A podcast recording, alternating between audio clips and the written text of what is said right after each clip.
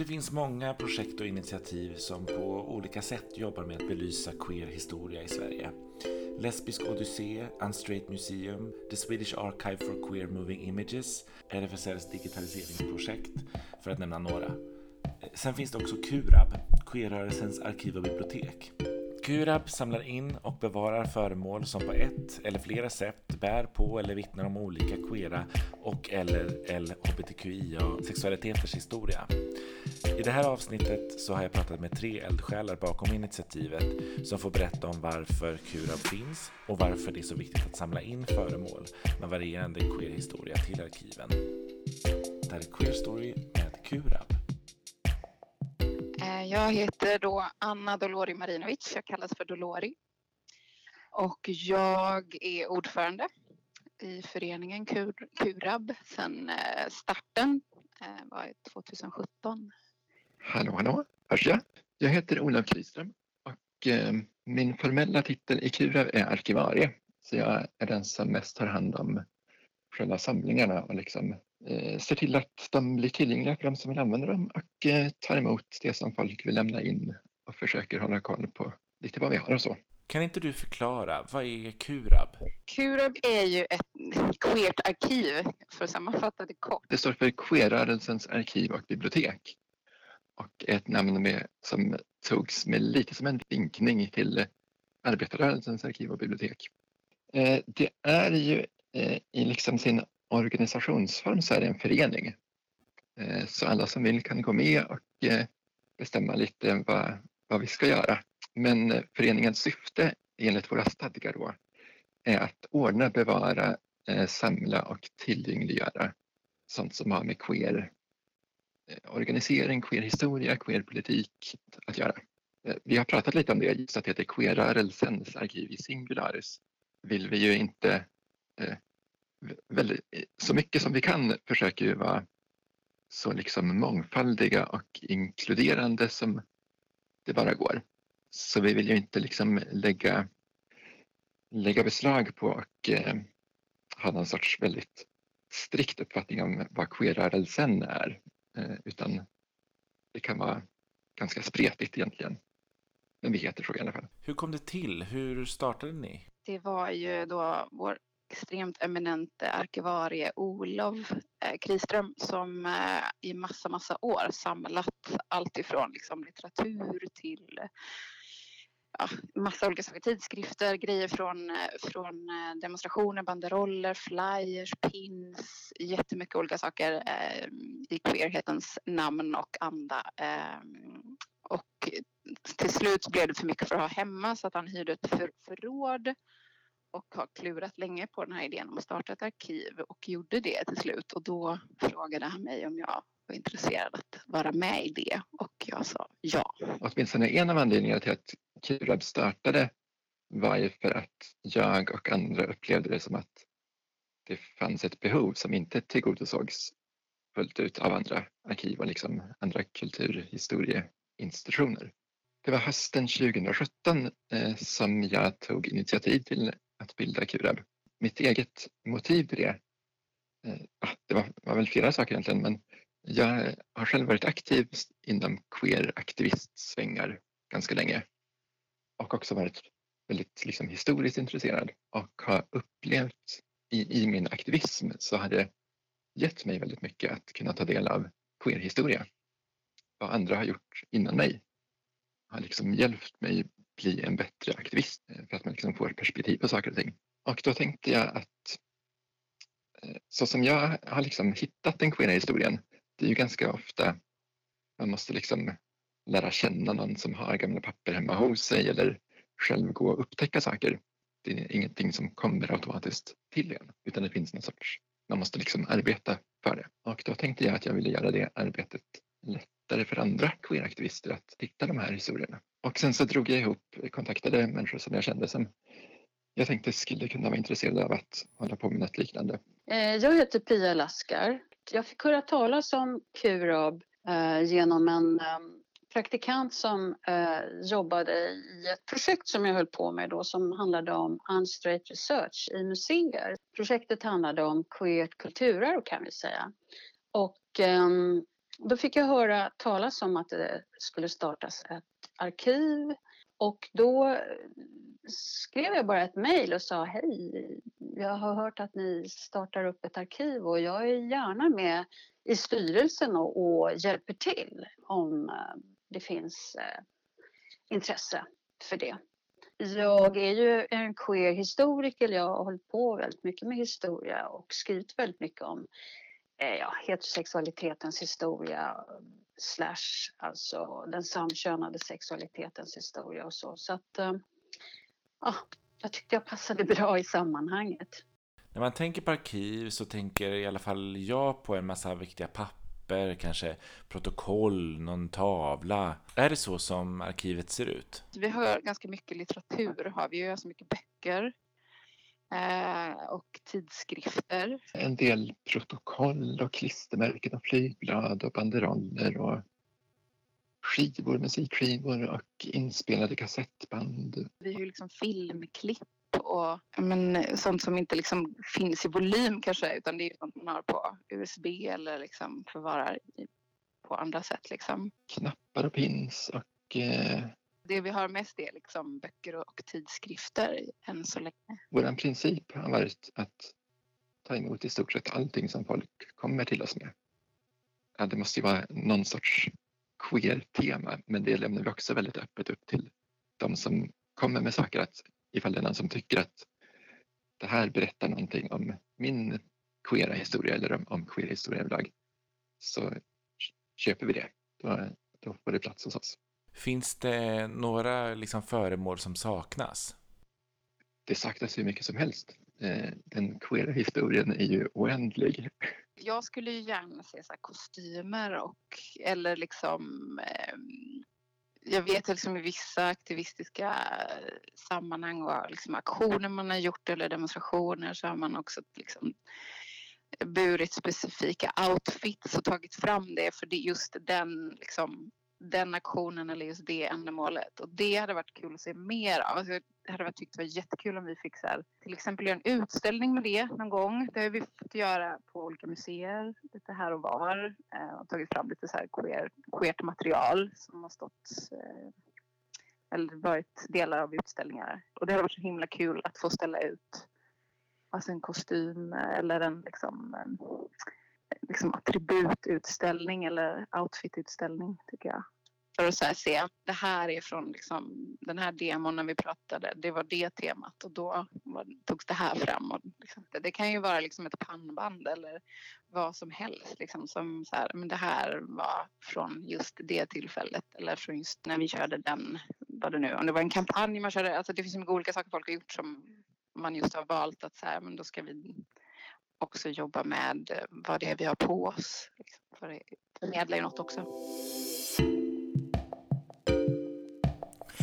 Eh, för, eh, som historiker, vad är din liksom relation till arkiv? För en historiker är ju arkiv arbetsplatsen kan vi säga.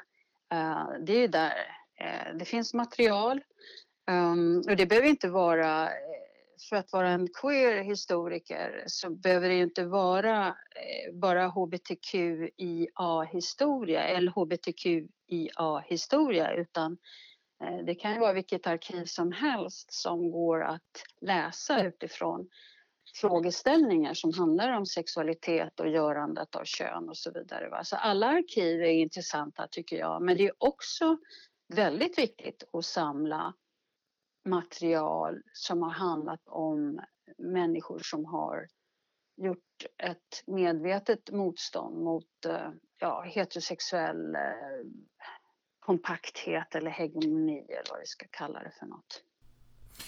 Men och, och när du säger det material, vad, vad, vad, kan det liksom, vad kan det vara mer specifikt? Ja, det kan ju vara nästan vad som helst, Det kan ju vara dagböcker, brevväxlingar, också liksom eh, berättelser. Och då behöver man inte ha liksom något fysiskt material. Eh, men bara att man har liksom, att man minns någonting som man kan, kan dela med sig av. Det är också viktigt. Jag skulle verkligen så uppmana alla. Har ni liksom så barkvitton från någon queerbar ni har varit någonstans i världen?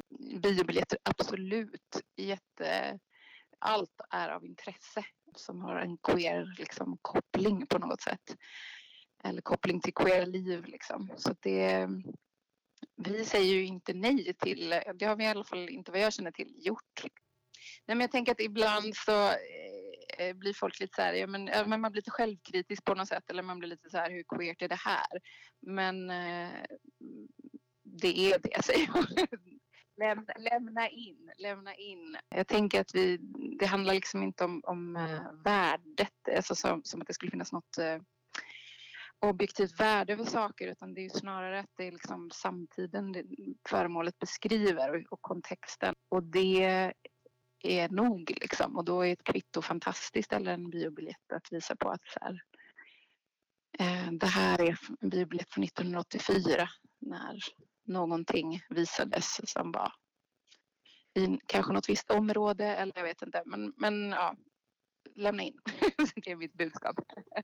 Vi har tankar på att göra en sorts intervjuprojekt där vi intervjuar människor eh, om deras liv. Och då behöver man inte ha liksom något fysiskt material, men bara att man, att man minns någonting som man kan, kan dela med sig av. Det är också viktigt. Jag och en eh, vän till mig som jobbar som eh, arkivarie eller jobbade som arkivarie på Kungliga biblioteket som är vårt nationalbibliotek och nationalarkiv eh, för en massa olika eh, samlingar. Då. Vi fick en förfrågan från eh, några kvinnor vars eh, eh, vän hade dött i, hastigt i en olycka. Och den här vännen hade sparat en massa grejer och de här två kvinnorna då Eh, som var ex, båda var ex till den här eh, avlidna personen. De stod där med, med otroligt många kartonger fulla med papper och dokument av en massa olika slag. Och de frågade eh, mig och min väninna om vi ville komma och kolla om det var någonting att spara. Så vi började krafsa runt i kartongen och hittade kvitton från luncher i olika alpstater som typ Schweiz och Österrike, norra Italien, Frankrike och så vidare. Och det här kan ju synas vara banalt, kvitton från lunchplatser, varför har hon sparat på det?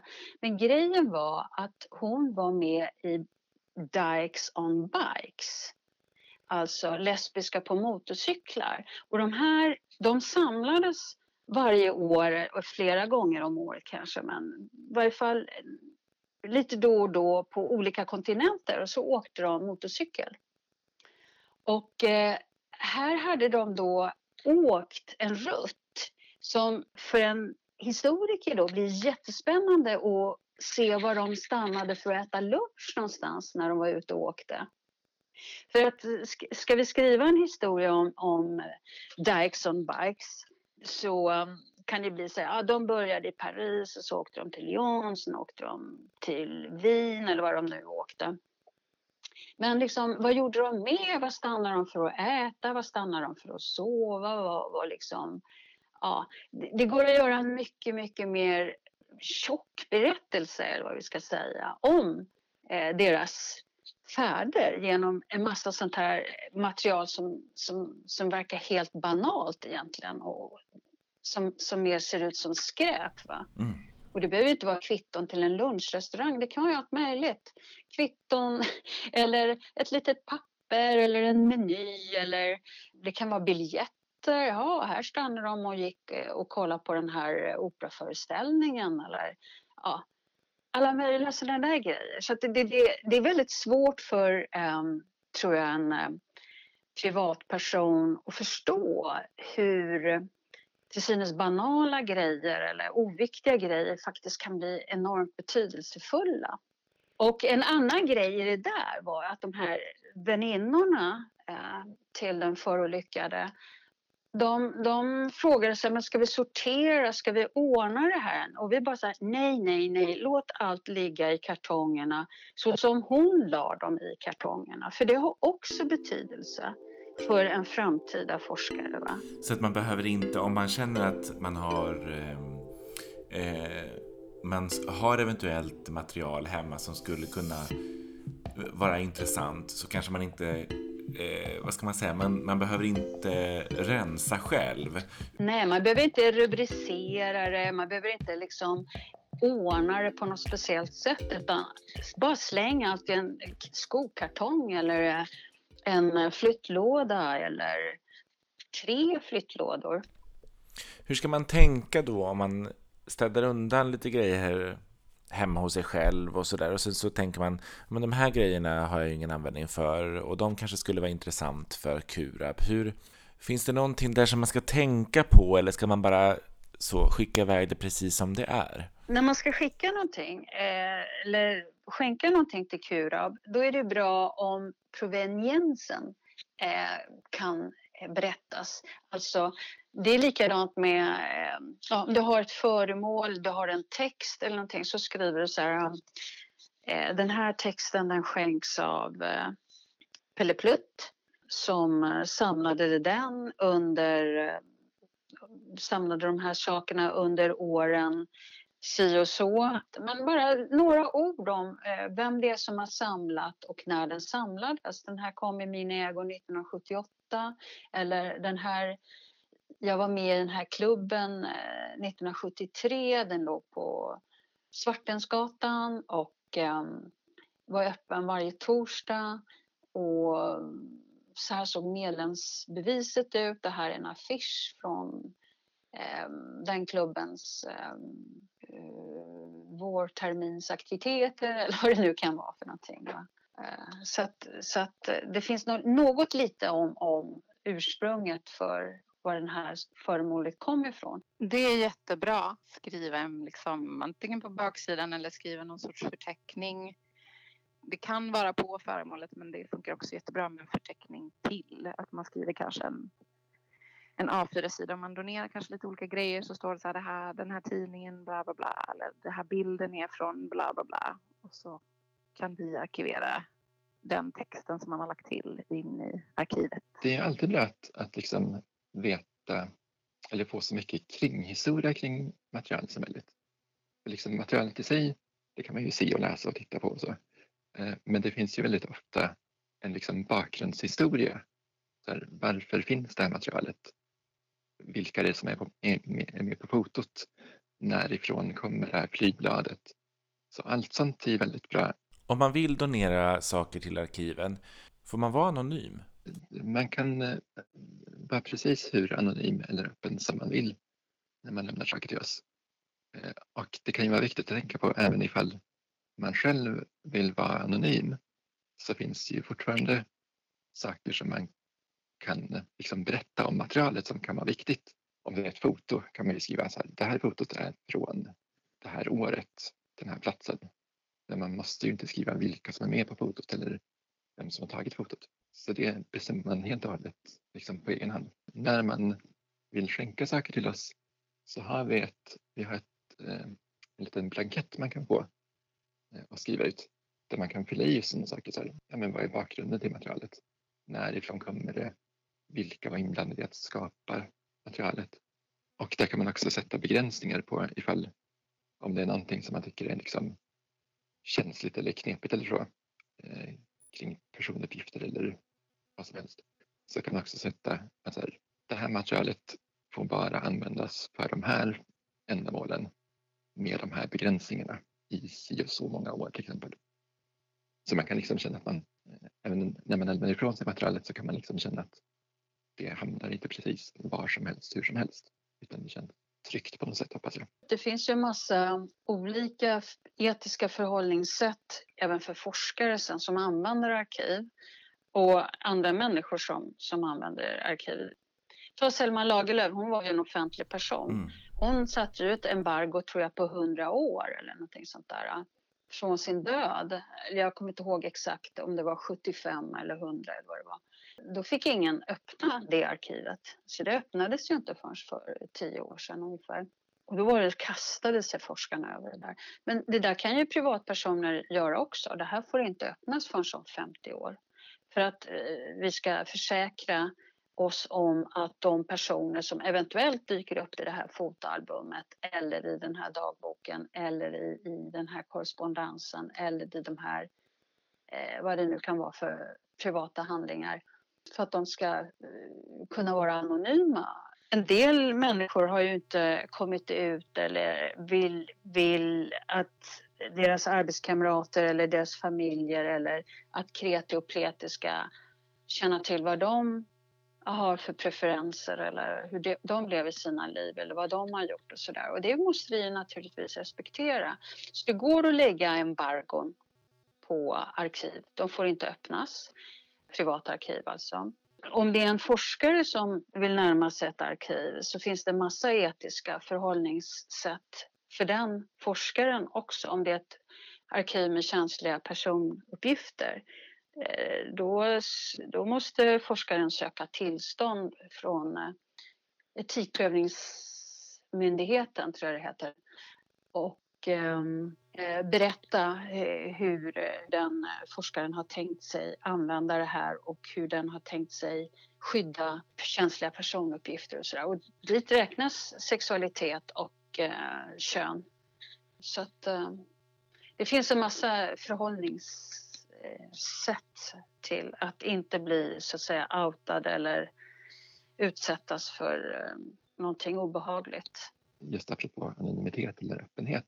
Alltså för min del så kan ju saker vara inspirerande. Saker kan ge mig någonting även om jag inte vet vem det är som har gjort det. Så det behöver inte vara att, att man ska känna att det är liksom, och att folk ska liksom känna intresse för mig som person när man ska lämna in saker eller folk ska ge mig någon sorts erkännande. Det kan man ju tycka är roligt och, och viktigt och, och spännande. Men det finns också personer som vill vara mer tillbakadragna om man säger. Så det behöver inte vara liksom det personfokuset som är det väsentliga och liksom det intressanta. Utan det kan ju vara, man kan ju betrakta saker som, om det är någon som har gjort ett flygblad så behöver man inte veta vem som har gjort det. Det kan ju säga någonting om en liksom politisk situation överlag. Det kan säga någonting om liksom konstnärligheten i utformning. Det kan säga någonting om, om retoriken i de slagorden som, som står på flygbladet och sånt. Så det behöver inte vara liksom personkopplat på det absoluta sättet. Därför det är så bra med ett queert arkiv. Ett queert arkiv samlar och bevarar alltså så här, både historiska delar ur queera arkiv men också det som kan vara aktuellt för eh, samtid och framtid vad det gäller queera liv. Det är ett sätt för oss att, att få både rötter men också en, en plats här och nu.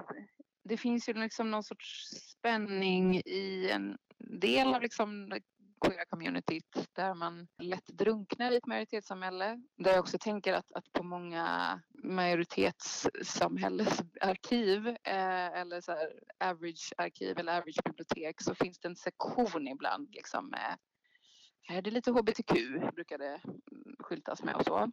Det är ju att hamna lite i skymundan. Och det tänker jag att det är någonting visst med att vårt community vet det som finns hos oss är liksom, det är queert. Dels så är det LHBTQIA människor som har varit med eh, och som kan samla alla de här grejerna och som kanske inte vill skänka det till Riksarkivet. Och Riksarkivet är inte intresserade av allt heller. Riksarkivet skulle inte ha tagit emot LP-skivor eller boksamlingar. Så de vill inte ha några böcker. De har så himla mycket böcker. Det finns ju massvis med folk som sitter där med specialintressen och har samlat på eh, lesbiska konstnärer eller eh, bögar konstnärer, kanske någon transperson eh, eller ja, speciella, speciell tematik liksom på konsthistoria eh, eller konst i historien och så. Och eh, de böckerna vill inte Riksarkivet ha. Så det är det ena. Sen när det kommer till dokument och protokoll och sådana här eh, medlemskort eh, eller affischer och sådär. Så okej, okay, det kanske Riksarkivet skulle kunna ta emot, kanske. Men vi tänker inom Kurab liksom att om saker och ting finns samlade på ett och samma ställe, då blir det mycket lättare för folk att hitta för privatpersoner, författare, konstnärer som har en speciell idé eller för forskare och studenter i framtiden. Va? eller för privatpersoner helt enkelt som är intresserade av hur det var på deras plats, hur, hur det var i Väster, Västernorrlands eh, inland eller hur det var i Bromölla. Fanns det några queers i Bromölla tro för 50 år sedan? Om vi har fått in någonting därifrån så ja, men det spelar ingen roll om du är forskare om allt material är utspritt på en massa olika arkiv, riksarkiv eller landsarkiv här och där liksom, så, så är det väldigt svårt att, att få det. Därför är det bra med Kurab.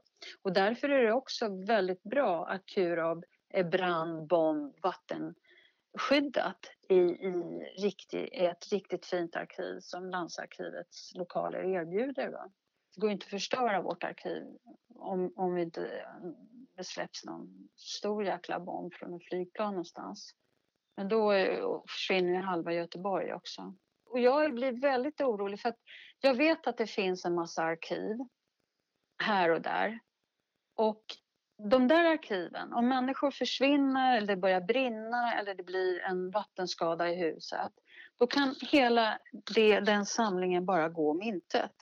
Och det skulle vara en oerhörd förlust för en, en mer omfattande och tjock och innehållsrik historia som skulle kunna berättas om 50 år tillbaks i tiden eller idag för folk i framtiden. Jag brukar skämta om det att det också är viktigt med att behålla sin särart på något sätt. Det som sker annars är ju så lätt att, att liksom, det skingras saker och och det tycker jag. Sen finns det ju också specifika arkiv. Det finns ju liksom ett visarkiv i Stockholm. Eh, det finns ett poetarkiv i Bergen. Alltså, så att det finns ju liksom, det finns en, också en tradition i arkivvärlden tror jag där man är ganska liksom, man, man väljer ett område som man väljer att arkivera kring och det är inget konstigt med det liksom.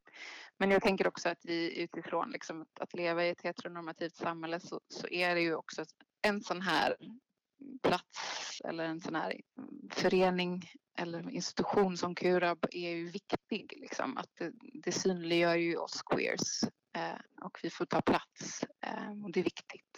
Så därför behövs det skulle jag också säga. Vad händer om vi inte sparar det för framtiden? Något som har sparats eh, på det är ju eh, organisationer som RFSL till exempel de har ju sparat protokoll och jag vet inte hur det är på alla lokalavdelningar men förbundet har ju sparat en hel del. Va? Och det har ju också påverkat hur historien har skrivits om LHBTQIA-motstånd i det här landet och eh, kamp. Men grejen är att det är inte bara RFSL som har kämpat utan det har kämpats på massa olika sätt och det har varit mer ad hoc-insatser och aktioner och, och sådär. Och jag tänker också så här att, att ordna klubbevenemang och dansevenemang och sociala mötesplatser har varit jätteviktigt.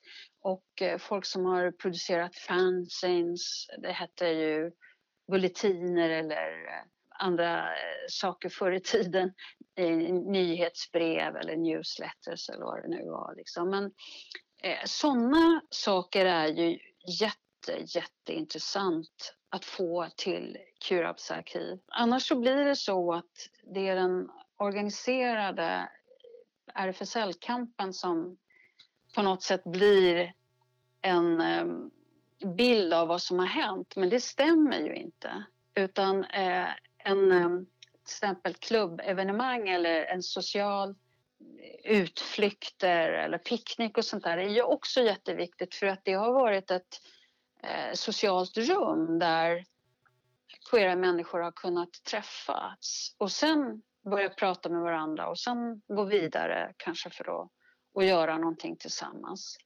Eh, och den historien tycker jag är väldigt viktig att vi inte kastar bort. Så därför är såna här inbjudningar eller affischer för, för sociala evenemang av olika slag. Eh, bla, bla, bla. Jätteviktigt. Jätteviktigt. Filmklubbar, eh, ja, vad det nu kan ha varit. Det fanns ju en massa kollektiv för queera personer under 70-talet och 80-talet. Det vore ju jättekul att, eh, att få in material därifrån. Det fanns ett inköpskollektiv som startades för att det fanns så många eh, lesbiska kollektiv i Stockholm. Och den, det här eh, inköpscentralen då av sojamjölk och bönor och vad det nu kunde vara för någonting. Det hette faktiskt Bönan. Kooperativet Bönan. Och så, sånt material är också jätte, jätteviktigt att, eh, att vi inte slänger utan att det får finnas kvar så att vi i framtiden också kan berätta den historien. Att det också handlar om att få folk att se sin historia som viktig. Och det behöver ju som sagt inte vara att, att alla ska liksom slå sig för bröstet och känna så här, jag är historiens medelpunkt. Alla måste känna till mitt namn. Men att, att man ändå kan se att, att det finns ett värde i det. Om vi tänker så här, nu skrivs det väldigt mycket om transpersoner. Alltså forskare eh, intresserar sig för frågor rörande trans. Och det som har skrivits mest om trans hittills har vilat på uh, vad uh, myndigheter har sysslat med, det vill säga hur har läkare och medicinvetenskapen tänkt kring trans? Och eh, hur har eh, juridiken tänkt kring trans? Eh, och så vidare. Men det finns väldigt lite levda erfarenheter från en transvardag. Det säger ju inte så mycket om eh, transvardagen.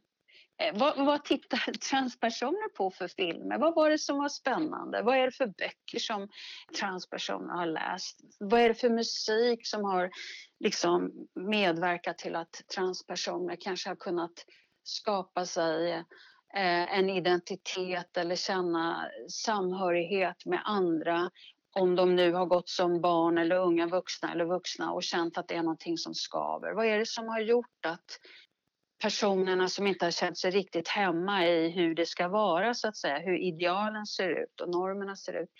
Vad, vad, vad har de fått sin inspiration från? Och det gäller ju också lesbiska och, och, och bögar och bipersoner och alla möjliga i, intersexuella och asexuella och all, all, hela spektrat. Va?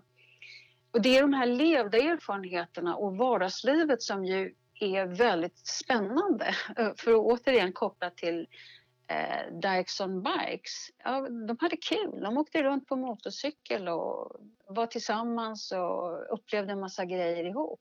Ja, hur, hur går vi till historien? Hur går vi till historien om vi inte är officiella personer, om vi inte är personer som eh, dyker upp i, i media? Den vanliga vardagsmänniskans vardagserfarenheter är jättespännande eh, för en framtida queer-person att få läsa om hur det var för 50 eller 100 år sedan. Liksom. Vad, vad gjorde folk? Hur, hur tänkte de? Jag tänker att eh, om man tänker så här, oh, här hade vi en banderoll, men den där finns säkert redan på Kura, den där har de ingen användning för. Så ska man eh. absolut inte tänka, utan vi älskar banderoller också. Vi har flera från Dalarna och från olika håll. Eh, galna banderoller och eh, eh allt möjligt.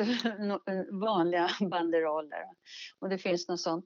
Men det, det är så här att eh, om vi till exempel har um, dubbletter om någonting då blir det väldigt viktigt för då kan vi byta det med andra arkiv. Det finns ju andra arkiv. Eh, det finns Shaved arkiv i Bergen Eh, det finns arkiv i, på andra platser i världen. Och eh, så om vi har dubbletter av en tidskrift eller en tidning eller eh, någonting, va?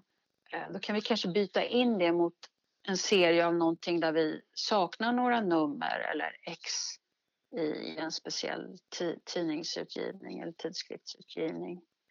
Så att det är väldigt bra med dubbletter också. Så det vi, vi, tar emot allt. Och eh, så sålla inte innan utan låt oss få, få grejerna så kan vi trada det mot, mot annat. Då. Alltså ifall det skulle bli fråga om att så här, gallra ut saker så dels så tänker vi att vi hemskt gärna har samarbetat med andra arkiv och liksom andra eh, historieinstitutioner och föreningar så att man kan liksom ge bort saker till dem.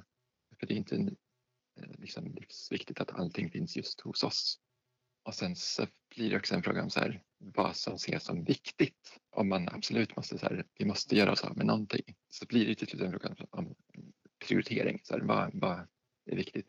Men där tänker jag att det som jag tycker är viktigt åtminstone är ju ofta det som är liksom marginaliserat, det som är liksom lite perifert, det som är i kanten av, av liksom den stora historien. Och det, alltså, för att den stora historien finns ju på så många andra ställen. Den liksom, behöver man inte anstränga sig för att den ska berättas och bevaras. Så jag tänker att ifall det skulle bli en sån situation där man på något sätt måste gallra så tänker jag att för min del så, så känns det viktigare att bevara det som folk inte tycker är viktigt. Om du förstår. Så som sam I samlingarna så som det ser ut idag, har du liksom något favoritföremål? Nej, inte ett specifikt föremål, men jag tycker alltid det är jätteroligt med eh, alltså banderoller från, från aktioner och demonstrationer. Det, jag tycker det är kul med så gamla slogans. Jag tycker om det här gör det själv-grejer som folk har gjort väldigt mycket på olika sätt genom liksom, årtiondena eh, när man har eh, demonstrerat och så. Att, men hur, såg en, hur såg en skylt ut eller hur såg en banderoll ut och hur eh, Alltså vad stod det på pinsen? Vad, vad var det för slagord som var viktiga? Liksom? Och, ja, men det är jättekul att vi, vi får in sånt men det är också kul att, att sitta och titta på det tycker jag är så här. För det är som att man liksom på något sätt så kommer man ju lite närmare den tiden genom att se det fysiska föremålet som var med liksom, som har tillverkats också enbart för kanske det tillfället eller den liksom, frågan eller så. Ja, men jag tycker att det på något sätt blir det som att kliva in i historien bakvägen på ett annat sätt än om man skulle läsa om det eller liksom se en film om det. Så är, finns det fysiska föremålet i handen. Det tycker jag är häftigt. Det eh, ah, har jag väldigt många. Eller jag tycker, jag tycker som sagt att det mesta är väldigt intressant. Eh, men särskilt förtjust är jag nog i ett material som kommer från eh, gruppen Röda bögar som fanns i Göteborg på 70-talet. En socialistisk eh, böggrupp som eh, var aktiv under några år i mitten av 70-talet. Och eh, det materialet är liksom väldigt eh, rikt. Det är ett ganska stort material med deras intern diskussionsbulletiner och deras flygblad och deras mötesprotokoll och, och ja, det är väldigt mycket material som är spännande att liksom få den, den breda och stora bilden av deras verksamhet. Och sen så tycker jag också att Eh, att de som grupp var väldigt eh, inspirerande för mig och fascinerande och, och roliga.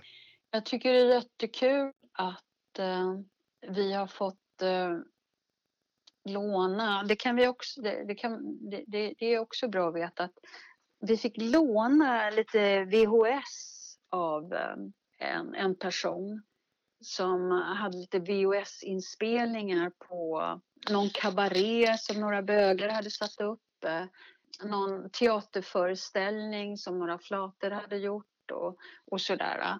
Och eh, då kunde vi digitalisera det och sen ge tillbaks de här VHS-banden till de personerna. Så att det går, folk behöver inte skänka saker heller om det finns några sådana här darlings. Utan vi kan eh, spela, spela in det där eh, digitalt då och behålla det och sen skicka tillbaks grejerna.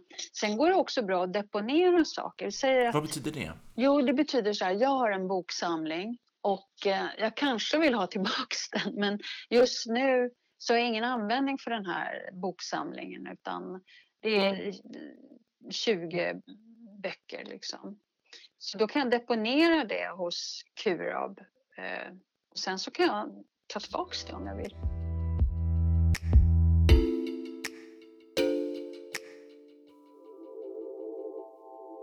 Har du själv donerat eller skickat in någonting? Eh, nej, jag har faktiskt inte gjort det.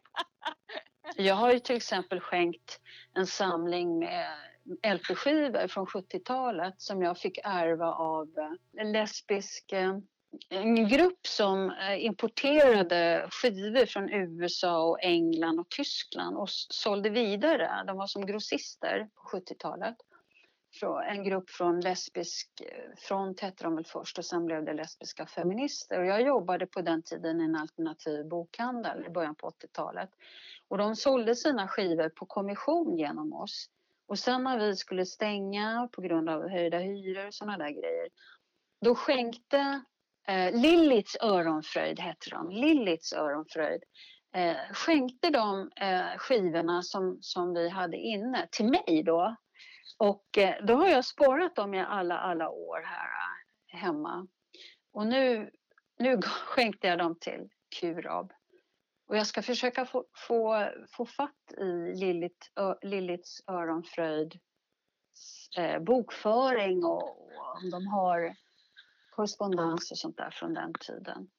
Jag tänker att jag har liksom på en gammal hård hårddisk eller så här, ehm, vad heter de, extern hårddisk så har jag bilder från, från lite olika eh, fester och ja, men också lite där demonstrationer och sånt som jag, jag tänker att jag ska eh, gå igenom de här bilderna på den här härliga hårddisken som ligger någonstans långt bort och eh, spara ner bilder. Det skulle vara kul att printa ut dem också, donera, men, men också bra att lägga sånt på USB så håller det längre. Ja, men det är också en sån grej att jag så vill uppmana folk att så här, filma mer. det är ju guld. Att skicka, att skicka material till er blir ju också att hjälpa till att skriva vår historia. Ja, och att skicka material till oss blir som att skicka in det i framtiden. Vilken bra present för nästa generation. Ja, och deras och, och nästnästa. Det kan också vara väldigt, väldigt viktigt för eh, inom omsorgen. Något, när folk börjar bli dementa. Så här, vad var det som hände 1998? Ja, vi kanske kan börja spela lite musik som queer lyssnade på och dansade till för eh, den åldrade generationen så att de börjar minnas. Va? Det går att använda liksom arkiv och vi ska inte bara spara för att skriva det förflutnas historia utan det kan användas på olika sätt liksom. För att skapa ja, eh, möjligheter att minnas även inom vården då, eller omsorgen. Jag tänker att det också handlar om att få folk att se värdet i sin och andras historia. Att folk upplever det som, som viktigt att bevara och, och att liksom andra kan ta del av, av deras erfarenheter och liksom av, av det som de har samlat på sig. Så det handlar också om, om att liksom stärka folks, att det kan ge någonting till andra. Och just det här att, att kunna se även andra personer betyder också att vi vill ha in så mycket, en så stor mångfald som möjligt i arkivet. Att personer som, som är helt annorlunda än vi som driver arkivet också känner att, att deras liv och deras historier får plats hos oss. Visst kan man hitta sig själv i historien, men det är minst lika viktigt att också hitta andra erfarenheter i historien. Eh, att få liksom perspektiv på sig själv och liksom få se att, att det finns andra, folk har levt helt andra liv än vad jag har levt. Och det kan också ge mig någonting. Det behöver inte vara att jag liksom ser mig själv i det, utan det kan finnas en, ett väldigt värde i att, att liksom upptäcka annanheten i historien också. Jag tänker lite att arkiv, eh, att det blir lite som en, en pusselbit. Eller inte en pusselbit, utan ett pussel. Mm. Och att eh, nu är det jättemycket pusselbitar som är hos, i folks, folks garderober och i folks byrålådor mm. och sånt där. Man kan vända på det och tänka att de där pusselbitarna ska komma hem. Ja. Är inte det en bra tanke? Det är en tanke? jättebra tanke. Den är fantastisk. Den är genial.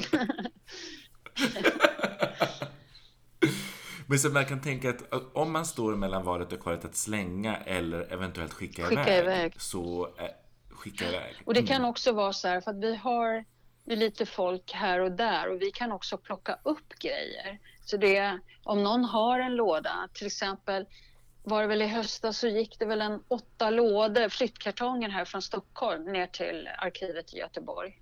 Så att eh, vi gör sådana här uppsamlingsräder eh, också.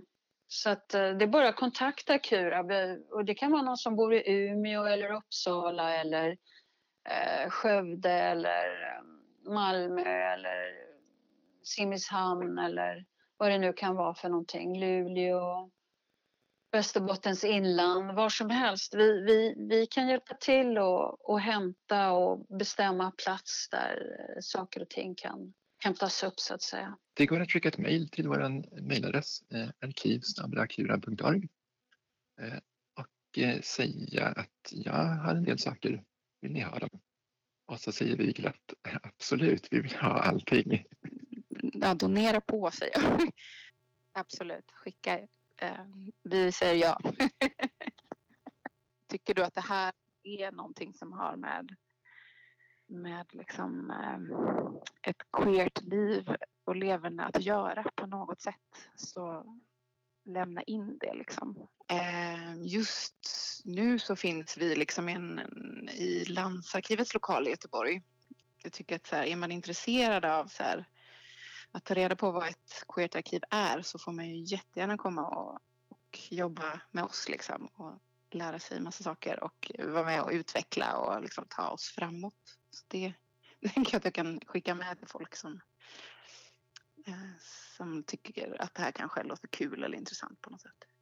Eh, men vi har också en hemsida, kurab.org.